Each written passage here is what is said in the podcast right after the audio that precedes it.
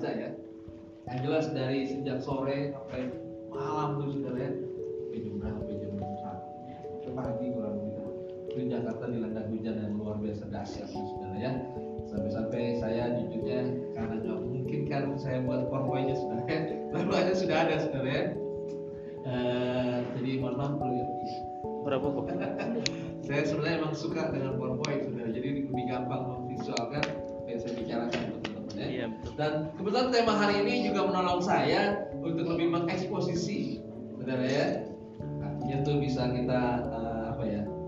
Maksudnya apa kalau kita sekolah teologi itu eh, jadi lebih apa tuh ya namanya mengakar untuk kepada kebenaran itu sendiri kita nggak ke mana-mana maksudnya di teks itu aja saudara ya Konteks. saya sudah disampaikan emailnya, saudara kasih. Hari ini saya bicara dengan tema Maukah aku berkorban untuk Yesus? Mari kita buka firman Tuhan yang telah dalam Lukas pasal yang ke-7 ayat 36 sampai dengan 38. Lukas pasal yang ke-7 Lukas pasal yang ketujuh. ayat 36 sampai dengan yang ke-38. Lukas pasal yang ke yang ke-7 ayat 36 sampai dengan ke-38. Yang sudah ketemu katakan cihui. Cihiu. Oke, gitu kita ketemu semua ya. Ya. Saya bacakan buat kita semuanya. Seorang Farisi ngundang Yesus untuk datang makan di rumahnya. Yesus datang ke rumah orang Farisi itu lalu duduk makan. Di kota itu ada seorang perempuan yang terkenal sebagai seorang berdosa. Ketika perempuan itu mendengar bahwa Yesus sedang makan di rumah orang Farisi itu, datanglah ia membawa sebuah buli-buli pualam berisi minyak wangi. Sambil menangis, ia pergi berdiri di belakang Yesus dekat kakinya.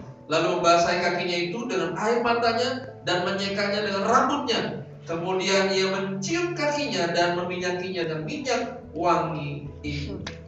Sekali lagi mari kita berdoa untuk firman Tuhan yang kita baca pada pada siang hari. Tuhan kami telah membaca firman-Mu dalam Lukas 3 Lukas 7 ayat 36 sampai 38. Sekali lagi buat kami mengerti akan kebenaran firman-Mu secara pribadi lepas pribadi. Dan nama Yesus kami telah bersyukur. Haleluya. Amin. Amin. Nah teman-teman kasih dalam Tuhan eh, tema yang saya di, eh, saya eh, saya dapatkan saudara kasih dalam Tuhan ya itu tema yang kita harus mikir gimana ya eh, ya kalau ngomong rela berkorban kan maukah engkau berkorban untuk Yesus saya percaya kalau saya tanya gitu saudara mau berkorban buat Yesus Amin. amin amin Amin. Amin ya kadang-kadang eh, saya juga kalau ditanya pastilah kita semua sebagai orang-orang yang percaya kepada Tuhan. Oh iya, saya nanya dulu, ini orang Kristen semua ya? Amin. Betul Iya. ya? Karena ini judulnya berkorban untuk Yesus. Takutnya saudara ada yang nggak ke Yesus, jadi saya bingung sebenarnya. Tapi yang jelas saudara Islam, ketika hari ini kalau ditanya Maukah engkau berkorban buat Yesus? Hampir dipastikan, hampir seluruhnya kita akan berkata, ya saya mau berkorban buat Tuhan Yesus. Tapi berkorban seperti apa? Kan begitu saudara ya. Kalau cuma sekedar berkorban datang ke gereja aja, saya pikir semua kita akan mampu lah, betul lah. Tapi ada juga sih yang nggak mampu saudara setiap minggu itu datang ke gereja. Ada juga saudara. Pernah waktu itu kita di anak muda janji komitmen nih. Pengurus ya, janji komitmen ya. Sebagai bentuk uh, sense of belongs. Sebagai pengurus di anak muda tempat kami saudara ya. Sense of belongnya salah salah salah satu alat ukurnya kami berjanji dalam setahun itu kami kan ibadahnya Sabtu malam minggu ya kami tidak akan pernah melewatkan Sabtu malam minggu kepada anak-anak muda. Itu tanda apa sebagai bentuk sense of belong kami mengukur pengurus itu Sabtu itu seolah-olah hukumnya wajib untuk datang di malam minggu saudara ya. Nah saudara itu saja saudara kasih Tuhan dari eh, kurang lebih 20 pengurus saudara ada kurang lebih 5 atau 6 meleset saudara ya. Selebihnya masih mampu saudara saya bertanya mungkin kembali. Kalau saudara ukuran berkorban adalah beribadah setiap minggu. Sana minggu ya bro ya? Iya. Betul lagi ya. Tiap minggu jam 13.30 ya. Saudara mau berkorban setiap minggu datang di rumah Tuhan tempat ini amin Amin. amin. Nah, boleh dicatat bro di semua nama-namanya ya. Sebagai bentuk pengorbanan saudara setiap minggu saya pasti datang. Apa pun pergumulannya apa pun persoalannya apa pun uh, yang kita hadapi hari minggu hari wajib saya ada di Image. image amin Amin. Amin. dan biar itu saksinya Tuhan saja saudara ya Saksi. Nah saudara, saya percaya kalau semenjak seperti itu saudara ya, boleh dibilang kita akan mampu itu semua.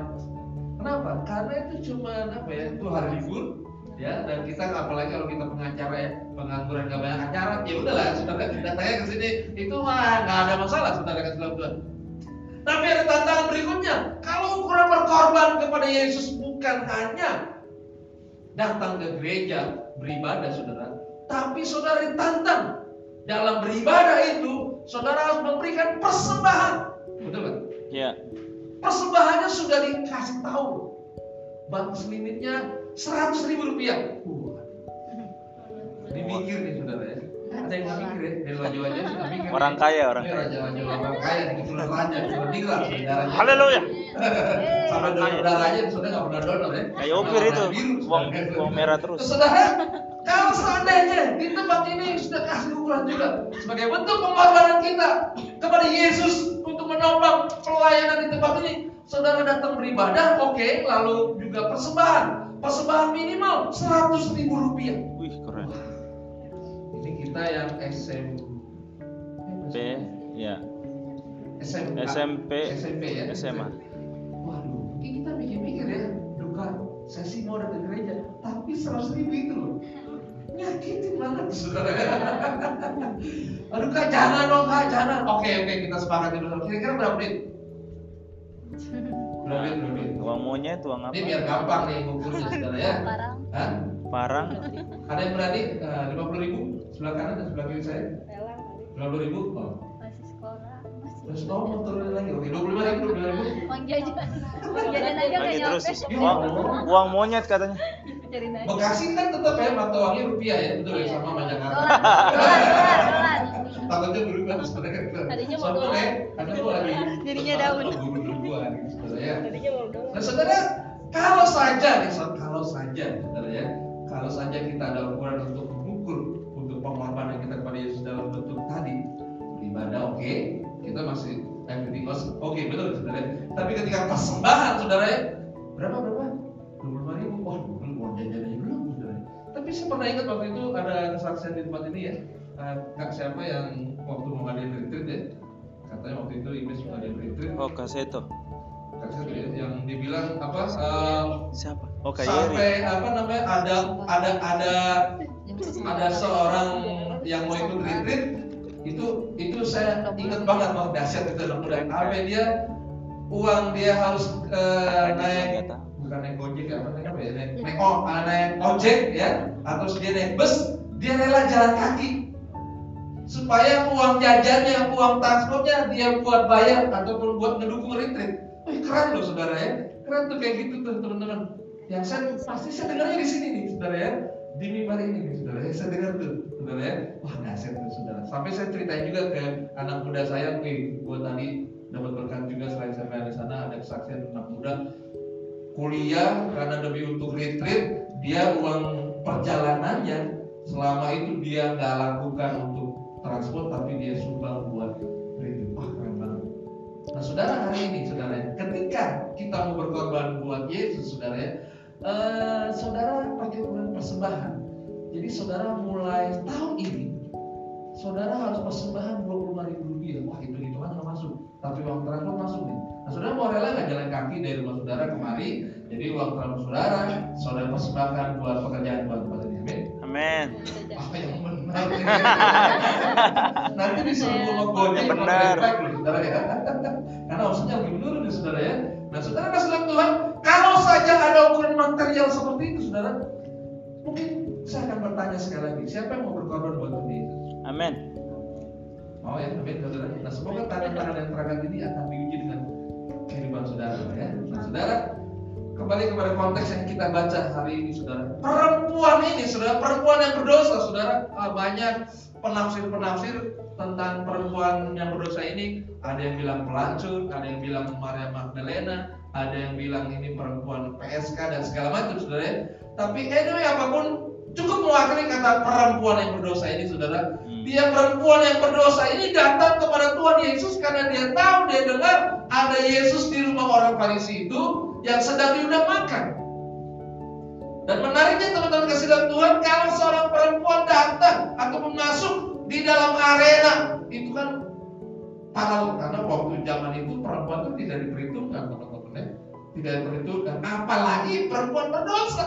Perempuan benar aja nggak diperhitungkan, apalagi berdosa, saudara. Hmm. Tapi yang menariknya sudah kasih Tuhan cerita ini lebih fokus kepada perempuan yang berdosa ini datang menghampiri Tuhan Yesus menghadapi pergumulan yang sebetulnya saudara itu punya hukum adat yang apa ya di uh, orang ditabrak ya saudara ya karena rasa dia ingin berjumpa dengan Tuhan Yesus. Direlakan korbankan dirinya. Pastinya saudara gini maksudnya pasti terjadi penolakan tapi dia halau itu semua dia mau tetap datang. Boleh bilang ini harga dirinya bisa direndahkan saudara. Hanya demi berjumpa dengan Tuhan Yesus dan saudara ketika dia berjumpa dengan Tuhan Yesus dia bukan minta tanda tangan sama Yesus Tuhan Yesus minta dong tanda tangan enggak ataupun dia selfie di motor dulu Enggak, saudara Ya Allah, foto selfie sama Yesus kan keren dulu ya. Ya, amin. Tangan sama Yesus. Gitu saudara ya. Asik. Keren Bisa, banget, bisa, bisa saudara ya. Kalau ada ya. Boleh, boleh, boleh. Boleh banget tuh ya. Peace, peace, peace, saudara ya. Surga di bumi, surga di atas. Dari satu, Eh. ah, perempuan itu datang bukan mau selfie sama Tuhan Yesus. Dan perempuan berdosa juga datang bukan untuk minta tanda tangan sama Tuhan Yesus.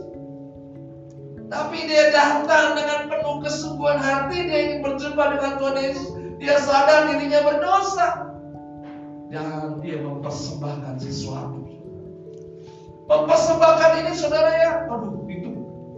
Coba nanti saudara pulang ya, saudara baca dengan sungguh-sungguh ya. Pengorbanan dilakukan perempuan Samaria, eh, perempuan Samaria, ya. perempuan berdosa ini saudara, buat saya amazing.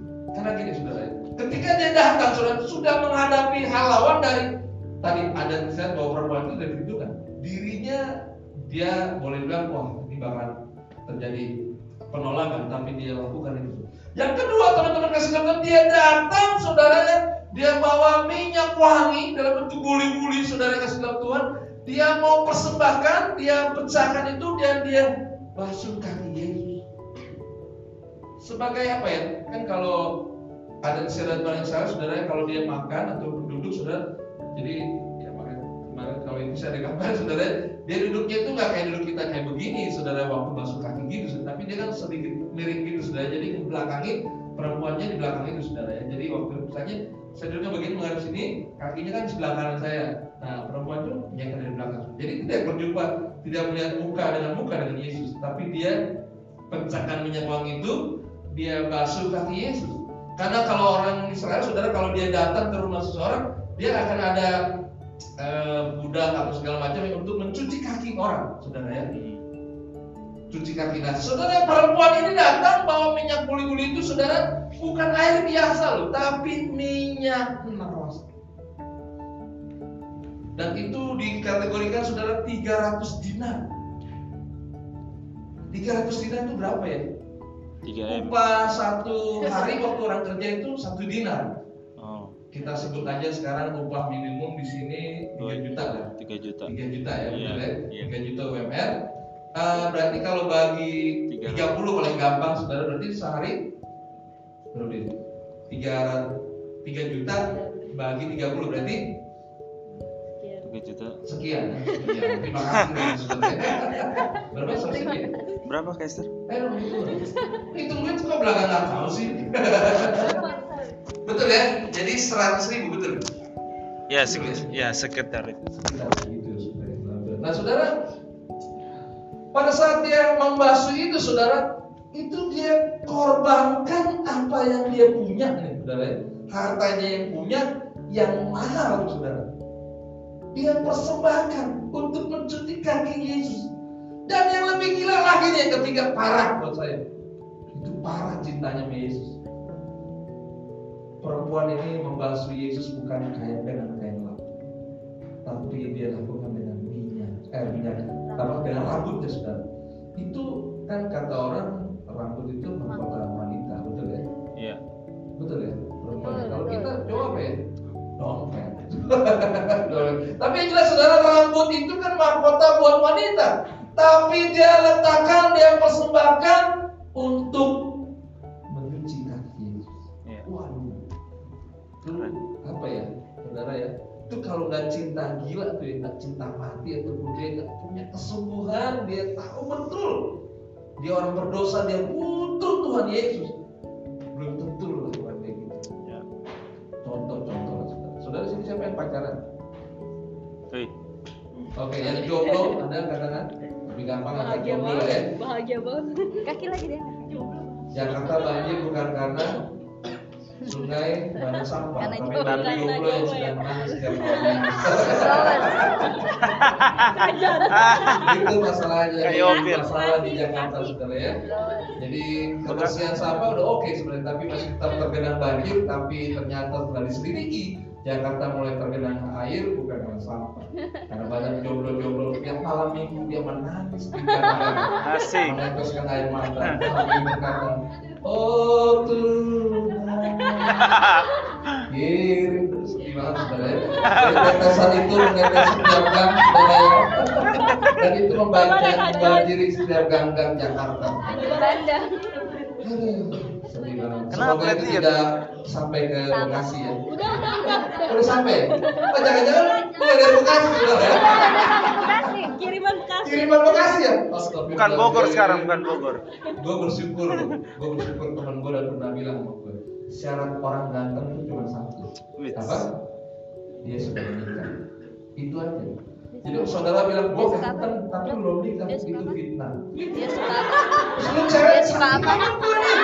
tapi belum nikah. itu kebohongan Kalau mau dibilang, kalau mau dibilang ganteng, dan itu fitnah saudara. Fitnah itu lebih kejam daripada jadi bukan bukan dari muka. jadi tolong ya saudara-saudara sini belum nikah ya? Oh gitu. Jadi Sudah, cuma gua udah. doang. Eh, belum belum. Jadi cuma gue doang. Bisa berkata gue paling ganteng. Asik. Mas bagus. sudah menikah. Itu? Ada, ada. Kayak Opir tahun ini. Oh iya, Pak sebelah. Iya. Kita sama orang-orang ganteng saudara kita. Jadi kasih tahu Tuhan. Kasih tahu kasih tahu bahwa kalau lu nggak cinta mati itu saudara Iya. mungkin lah. Nah contohnya orang pacaran. Iya. Betul ya? Aduh. Ya pastilah. Sini so- sorry sorry. Yang udah putus kan? Ada nggak yang udah putus? Jacqueline, Satu, Jacqueline. dua, Saya udah putus. Gue pernah pacaran kalau gue pakai istilah ring tinju saudara ya. Ring tinju kan suka ditulis ya. Nama saya. Rizka bertarung berapa kali, kalah berapa kali, seri berapa kali. Nah gue selama hidup gue pacaran, saudara gue lima kali pacaran. Empat kali gagal, sekali alhamdulillah berhasil. Oh begitu ya. Ini kalau ibarat ring tinju kan Oh, iya, ditulis iya. saudara ya. Iya. Bertanding berapa kali, menang berapa kali, seri berapa kali, menang berapa kali. Iya iya iya. Gua empat kali kalah, saudara ya, dua kali TKO, satu kali gua menang total. Asik. Setelah itu gua nggak bertarung lagi. nah teman-teman, aduh, dulu booking gue, booking tau ya? Asik. Gebetan gue. saudara. Asik. Itu rumahnya Pedaldi. Uh, gue kan di Jakarta di Karet tuh saudara ya. Sebetulnya rumah gue sama dia tuh gak beda jauh. Cuma beda lima langkah dari rumah saya. Tidak Asik. perlu apa? Tidak perlu kirim surat. Tidak perlu kirim surat apa tadi? SMS. Tidak perlu SMS. Yang jauh, yang jauh. Kayaknya tahu banget lah. Dari mana? Mantanku lima langkah dari rumah. Gak perlu SMS. Saudara ya. Aduh, saudara. Tapi saudara, persoalannya ketika booking gua, dia harus bantuin kakaknya. Karena kakaknya baru beli rumah, karena dia masih baru berumah tangga, dia beli rumah di eh, Metropolitan Mall nih, oh, terus lagi apa ya namanya? Narogong, Narogong, Narogong. Narogong ya betul. Jauh kayaknya dari sini, kayaknya jauh ya. Jauh banget ya. Dari rumah gue ke Narogong tuh saudara Iya, waktu dari zaman rumah itu zaman itu Metropolitan Mall itu cuma satu belum ada yang mall-mall yang lain gue cuma tahu tuh Metropolitan Mall satu doang jadi ukuran gue nggak ada GP, GPS tuh saudara cuma tahunya Metropolitan Mall lurus terus aja nah saudara waktu dia pindah eh, ikut kakaknya di itu saudara itu pergumulan betul-betul benar Asik. Ya tapi namanya cinta lah ya. Asik. Itu jadi sesuatu yang lima langkah. Ya kan? Ukuran satu liter bensin bolak balik kan saudara. Dan waktu itu bensin nggak mahal-mahal banget kan sekarang cuma ngoceng kalau nggak salah dua ribu rupiah. Oh dulu. Zaman dulu. banget. Tahun itu kan gue juga keturunan anak raja, bener ya saudara ya. Kan kita kalau nyanyi kan anakku anak raja, anak raja, sudah beli bensin sih tetap aja gigit jari saudara ya. Nah teman-teman yang jelas saudara, waktu gue jalanin ke Narogong saudara ya. Aduh memang waktu berangkat tuh, wah. Dan gue kebetulan penggemar Valentino Rossi saudara. Motor gue waktu itu Yamaha banget saudara. Dan pakai nomor 46 tuh gue sih nggak 46 saudara ya. Tapi yang jelas saudara gue pakai ranking tuh ya anak raja motor ranking pas dong udah saudara ya. Jadi gue jalan bersama saudara menjemput putri idamanku. Asik. Saudara begitu sampai di sana saudara perjalanan yang rasanya jauh tuh menjadi ya? Biasa aja saudara. Ya sudah lah. Ketemu duduk ngobrol-ngobrol, apa udah jam setengah sepuluh malam di rumah di, di kakaknya udah gitu dong biasa saudara ya. Itu kode-kode aja supaya eh, jam perkunjungan sudah selesai. Jadi rumah sakit jam kunjungan telah selesai, saudara ya. Ya udah akhirnya gue pulang saudara ya.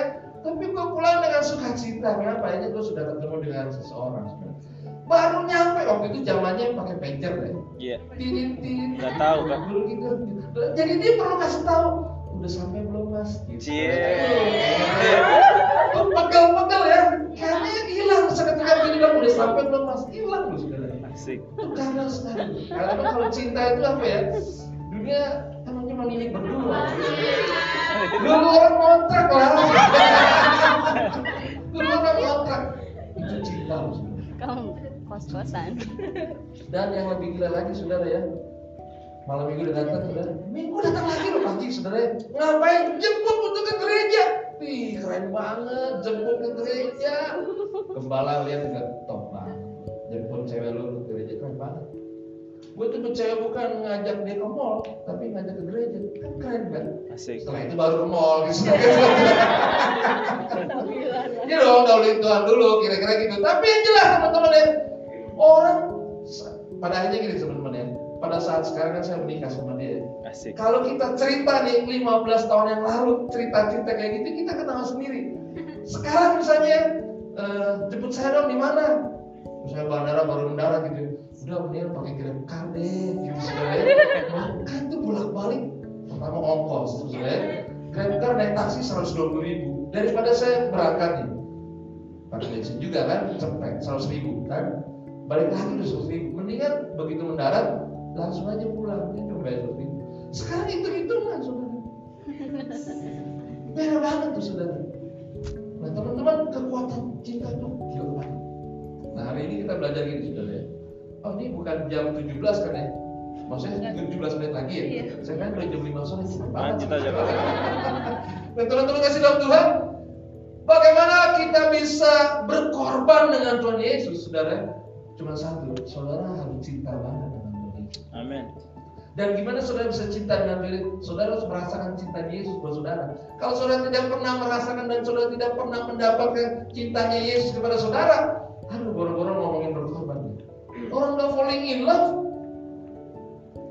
boro-boro falling in love saudara. Kita tidak pernah merasakan itu saudara. Dan kalau orang sudah falling in love saudara ya, satu kata aja, Mas sudah sampai, wah itu kata sudah menguatkan ketika saudara tadi saya cerita saudara capek tapi belum menguatkan. Kalau saudara falling in love, baca Alkitab itu menjadi kesukaan. Hmm. Tapi kalau lu nggak cinta sama Tuhan, aduh boro-boro sering baca Alkitab. Lihatnya aja nih saudara, ah tebal banget taruh aja. Sampai teman saya bilang gini, kemarin tuh anak muda, Kak, duh susah banget saya nggak bisa tidur nih. Gimana enaknya ya? Nah karena dia ada teman-teman, ah gampang syarat itu misalnya. Baca Alkitab. Pengalaman ya. nah, saudara, betul. Karena saking bercanda kayak gitu dia bilang baca Alkitab aja bro, ntar buat tidur. Oh kita, wah enak aja bang, Alkitab mau buat tidur. Iya kan, besok paginya dia kasih tahu ke kita, betul kan? Alkitab penuh mujizat. Begitu saya baca kan yang tadi saya nggak bisa tidur, saya tertidur. Kenapa? Baca kita. Tak percaya lah saudara ya. Saudara, eh, kalau kita nggak merasakan cinta Yesus, akhirnya saudara baca Alkitab itu nggak menjadi satu dorongan yang mengikat hati saudara. Zaman sekarang emang udah pakainya kan BB, WA, eh, pen dan segala macam saudara tahu. Tapi eh, kalau kita zaman dahulu model kayak pos-pos itu memang surat cinta itu aduh dibaca berulang-ulang. Ya jujur lah saya pernah ngalamin ke sejarah itu saudara. Sejarah pakai surat cinta itu pernah lah saudara ya. Eh, Sampai-sampai maaf ya, eh, cuman surat putus cinta aja kita robek. Begitu surat putus cinta ini merobek kayak kenangan yang paling memilukan hati. Tapi kalau surat cinta waktu pertama kali nembak terus dibalas, aduh kalau bisa kita museumkan. Supaya ketika kita lemah terus saudara kita baca, aduh gila ternyata waktu itu dua orang kita jago banget sudah merangkai kata saudara ya. Walaupun kita bukan penjaga cinta saudara, tapi kita bisa merangkai kata dengan baik saudara ya. Ayo. Ini keren banget. Tapi gua bukan bikinisasi saudara ya. Keren gitu. Nah saudara, bagaimana kita bisa merasakan bahwa kita bisa berkorban kepada Tuhan Yesus? Saudara harus memiliki cinta Yesus. Dan saudara, ingat, saya pernah cerita di tempat ini ya. Cinta Yesus kepada kita itu luar biasa saudara ya. Saya ambil contoh gini teman-teman ya. Eh, bro, siapa nama bro? Marcel. Oh, nama lu keren banget. Lu kan penyanyi kan? Eh, Marcel eh, misalnya kan cinta dengan seseorang. Saya tahu siapa yang jomblo lagi ya? Eh kamu jomblo ya? Jomblo ya? Jomblo aja, jomblo. Ini contoh ya contoh, teman-teman contoh ya contoh contoh contoh ya. Saudara ini cuma saya mau ngajak bahwa saudara tuh eh, cinta yang sejati itu seperti apa? Eh, Marcel dari 1, 2, 3, 4, 5 Coba kamu lihat ke lima ini. Cie. Kamu lihat, kalau nggak suruh ketawa, lu lihat aja gitu ya. Ini tolong ya, kalau ada wartawan, tolong ini bukan bahan untuk gosip. Ceritanya gitu saudara ya. Misalkan umpama, Marcel ketika kamu lihat lima wanita ini, mana yang rusuk hatimu? Asik. Yang? Nomor satu, dua, tiga, empat, bingungan ya lima. lima ya? Gue kasih satu aja deh ya, supaya gak banyak pilihan deh ya. Coba kira-kira yang mana mas? Yang mana? Jangan yang itu ya. Jangan yang Ayo itu. mas, waktunya tinggal dua menit lagi mas. Jangan yang di belakang. Yang mana yang mana? Rahel, Yang Rahel. di belakang yang lu suka. Jangan di belakang Fitra ya. Dan yang mana? Rahel. Ini. Oh ini. Wow. Jadi kamu cuma dipisahkan oleh dua kursi ini. Ya Allah. Dan mana yang berbicara loh. Gila, gila, gila, gila. Punya kebatinan dalam teknologi ternyata ya. Hanya Beka BB-nya salah bicara. Oh, beka. Jadi siapa namanya? Beka. Gaby. Gaby ya Gaby. Nah saudara, kayak itu teman-teman ini contoh ya. Lepas dia nanti kejadian terserah saudara. Masa lu suka sama Gaby? Suka cinta sama Gaby? Ini contoh, contoh lu bukan bukan aja. Pernah, bilang aja, pernah. Gimana lagi? Mantan, mantan. Ya kamu masa cinta sama Gaby? Eh, Gaby. Iya. Balikan, balikan, balikan. Oke, oke, oke. Gaby, Gaby coba lihat saya. Asik. Mukanya kok merah, Gap? Ini kan cuma contoh. Kok bibirnya merah? Iya, Balik, ya. balik, balik. Oke ya, eh Gaby gini Gaby. Marcel tuh cinta sama Gaby. Nah pertanyaan gini, pasti kan gini teman-teman ya. Eh Gaby akan nanya gini, ukurannya Marcel cinta sama Gaby apa?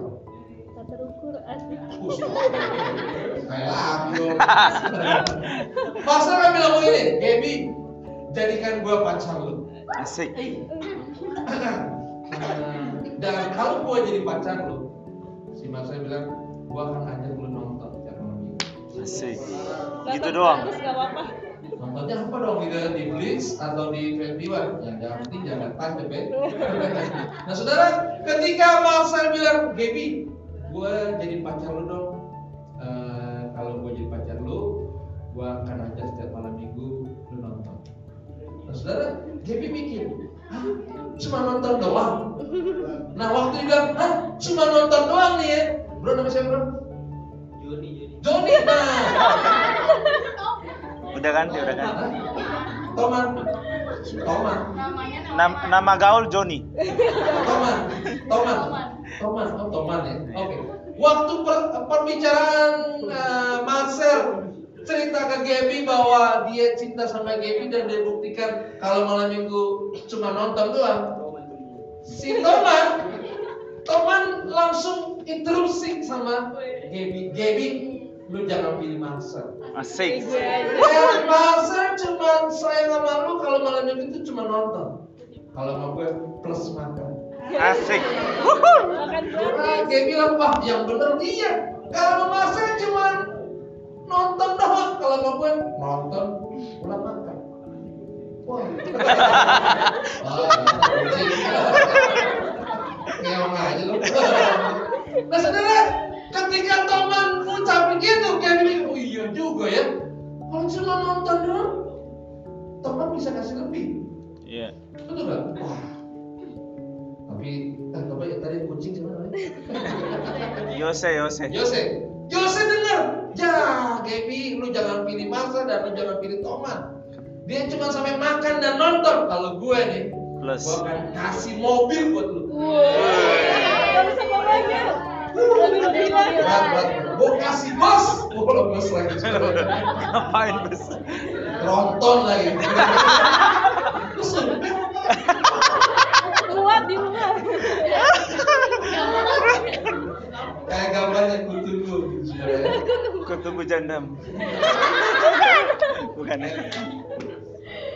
Ya, kembali lagi ke cerita. Nah, saudara, ketika Gaby lihat kayak gitu, yo, ampun, berarti si Si Yose. Yose itu ukuran cinta yang dimilikikan melebihi dari Marcel dan Thomas. Tapi saudara, eh, ada lagi sahabat kita.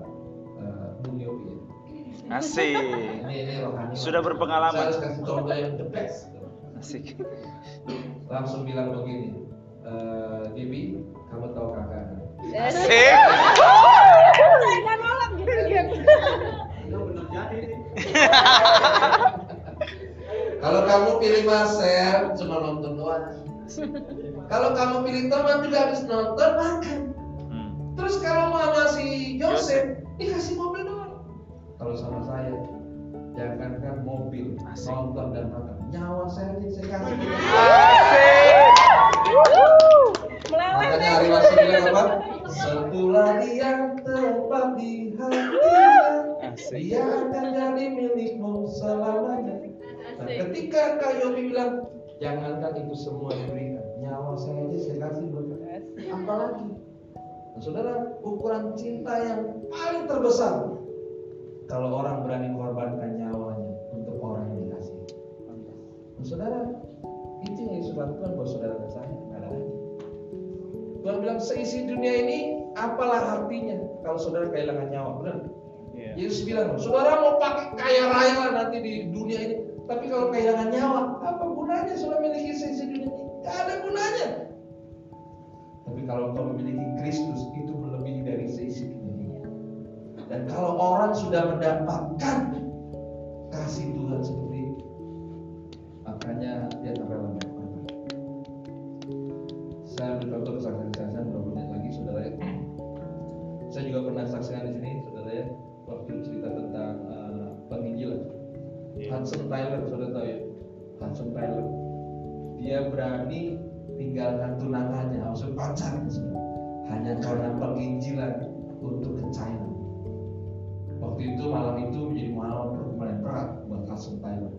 Kenapa? Karena ceweknya bilang begini, Hudson kalau kamu besok berangkat juga ke China, ke Tiongkok, maka malam ini menjadi malam terakhir di antara kita.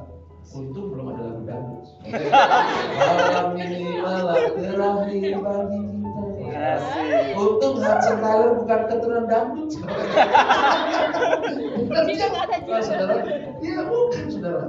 Jadi waktu dibilang seperti itu saudara kasih Tuhan, maka Hudson Taylor bergumul saudara antara berangkat memanggil memenuhi panggilan Tuhan atau dia memikirkan kehendaknya sendiri.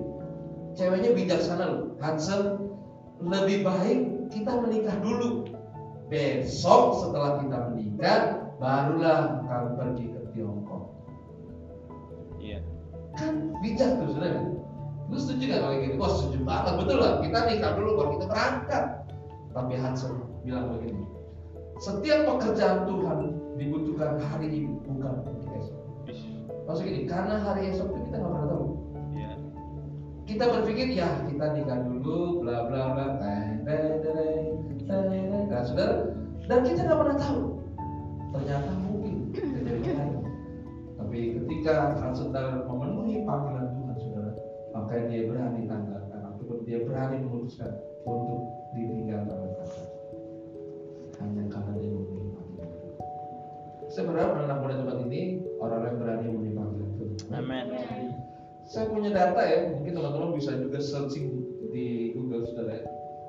Persoalannya gini, kita tahu dunia yang kita hadapi sekarang ini anak mudanya itu ngeri banget. Saya juga beberapa kali udah saksikan di tempat ini ya. Kasus narkoba, kasus sex itu sudah menjadi apa ya? Eh, Oke. menjadi sesuatu yang memang dekat dengan kita. Persoalannya kita nggak ada tolak ukur untuk anak muda yang berdiri di atas kekudusan itu, saudara.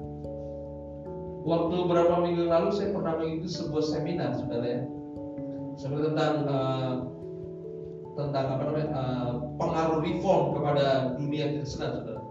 Hamba Tuhan bilang begini, saudara, eh, gereja itu sekarang tidak kekurangan dana untuk melangsungkan pekerjaan Tuhan di gerejanya. Dan gereja sekarang ini juga tidak kekurangan orang-orang hebat di dalam gerejanya. Dan gereja juga sekarang ini tidak kekurangan acara yang luar biasa. Dan gereja tidak pernah kekurangan orang-orang punya talenta luar biasa. Tapi yang hari ini gereja kehilangan adalah orang-orang muda yang berani memberikan hidupnya bagi Tuhan. Karena dengan dunia yang semakin sekuler saudara ya. Di zaman saya semoga ada yang kata saya saudara ya. Di zaman saya itu saudara ya, orang kalau ada yang bilang siapa yang mau rindu sekolah kita itu menjadi satu tantangan pergumulan luar biasa. Itu kalau orang udah sampai memberikan apa ya keputusan untuk saya mau ambil sekolah Alkitab di masa muda setelah lulus SMA saudara itu pergumulan yang nggak main-main saudara sekarang eh istilahnya apa ya informasi siapa yang sekolah itu pun jarang terdengar. Bahkan nyaris tenggelam saudara ya. Nggak ada lagi saudara. Dan bahkan khotbah-khotbah saudara jarang menantang anak muda siapa yang mau mempersembahkan hidupnya buat Tuhan. Kita lebih lebih ya saudara saudara kadang-kadang perasaan. Dunia semakin sekuler ini saudara mewarnai kita bahwa sebenarnya kita kekurangan ini. Kalau kata anak muda itu saya kekurangan kekurangan tokoh ataupun teladan nah saya berharap teman-teman ya di IMS ini ada orang-orang muda yang memberanikan diri untuk menjadi contoh dan berdiri di atas kekudusan. Karena hanya orang yang kudus dan berada depan Tuhan yang Tuhan pakai luar biasa. Itu dipakainya bukan gini sudah pas usia tua baru sudah dipakai. Enggak. Di masa muda saya selalu tertarik dengan tokoh-tokoh orang muda di Alkitab itu cerita Daniel cerita Yusuf. Dua orang ini menginspirasi saya untuk kita jadi orang muda yang apa ya? Bukan sekedar militer tapi bagaimana dia menemukan bahwa Tuhan itu is everything. Segalanya berada jadi berada lagi. Saya jadi ingat lagu si Sule itu saudara ya. maksudnya gini eh, Daud tuh saudara kan orang berkenan di hati Tuhan. Berkenan itu karena hatinya Tuhan dengan hatinya Daud itu ngeblend. Maksudnya nyatu. Gue kata ngeblend gara-gara kemarin nonton Indonesia eh, Voice Indonesia saudara ya. kalau kata si Agnes gini musik sama nyanyi lu harus ngeblend. Harus nyatu. Jangan sampai gini musiknya udah bagus